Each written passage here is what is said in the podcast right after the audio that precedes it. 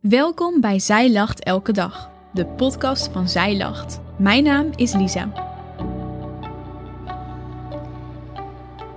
Dit is de overdenking van 2 juli door Arianna Azodi Delami. Vaak zijn wij als mensen geneigd om dingen veel ingewikkelder te maken dan dat ze zijn. We willen graag alles goed doen en veel doen. We hebben veel vragen en we weten niet of we de juiste keuze maken. Soms zien we door de bomen het bos niet meer.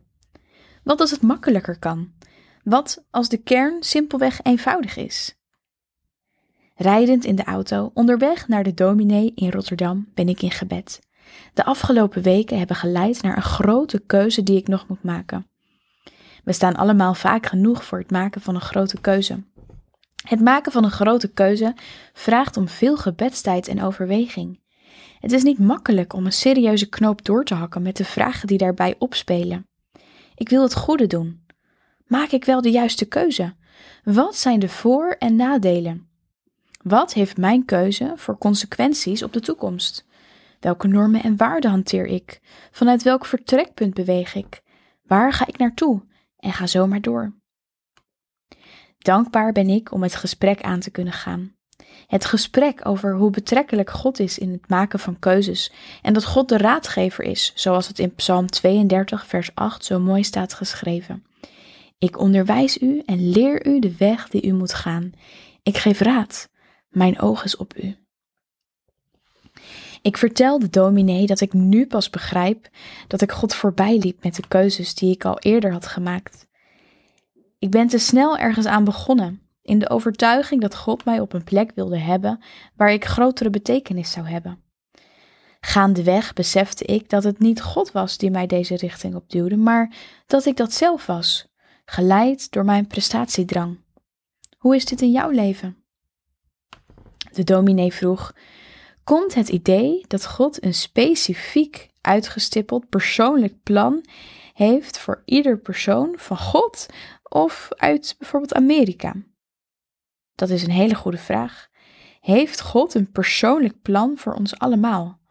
Zijn wij afhankelijk van een uitgestippeld plan dat God voor ons heeft? En wat nou als, zoals alles in het leven, iets niet precies volgens plan gaat? Hoeveel druk ligt er op de overtuiging dat God een speciaal plan voor ons heeft? Hoeveel ruimte blijft er dan nog over? En is deze gedachtegang eigenlijk wel bijbelgetrouw? De kern is eenvoudig. Het hoeft niet groots te zijn. De zegeningen zitten in het alledaagse leven, juist in het kleine. Als we goed omgaan met het kleine dat we ontvangen, laten we zien dat we ook goed om zouden kunnen gaan met het grote. In Lucas 16, vers 10 lezen we het: Wie betrouwbaar is in het kleine, is het ook in het grote. We willen graag flink wat stappen overslaan en vergeten af en toe nederig te zijn. En als we er niet voor waken, draait het al gauw weer om onszelf.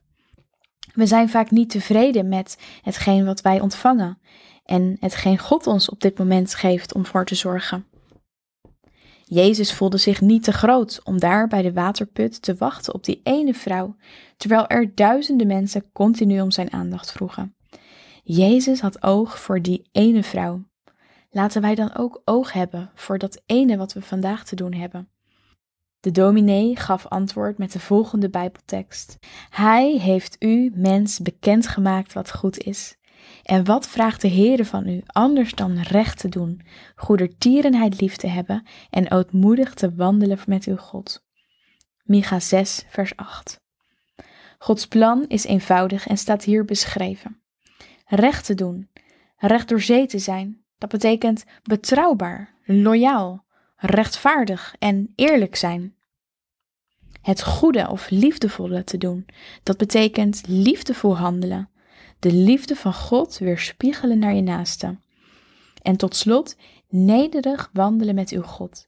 Dat betekent in relatie zijn met God. God laten leiden in de keuzes die je maakt.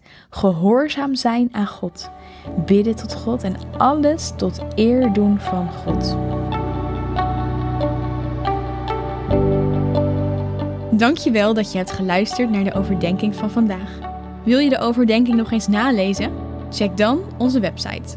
Je vindt daar ook nog meer toffe dingen die jou helpen om de Bijbel vaker te openen. zoals boeken, bijbels, cursussen en evenementen. Morgen ben ik weer bij je terug met een nieuwe overdenking. Tot dan!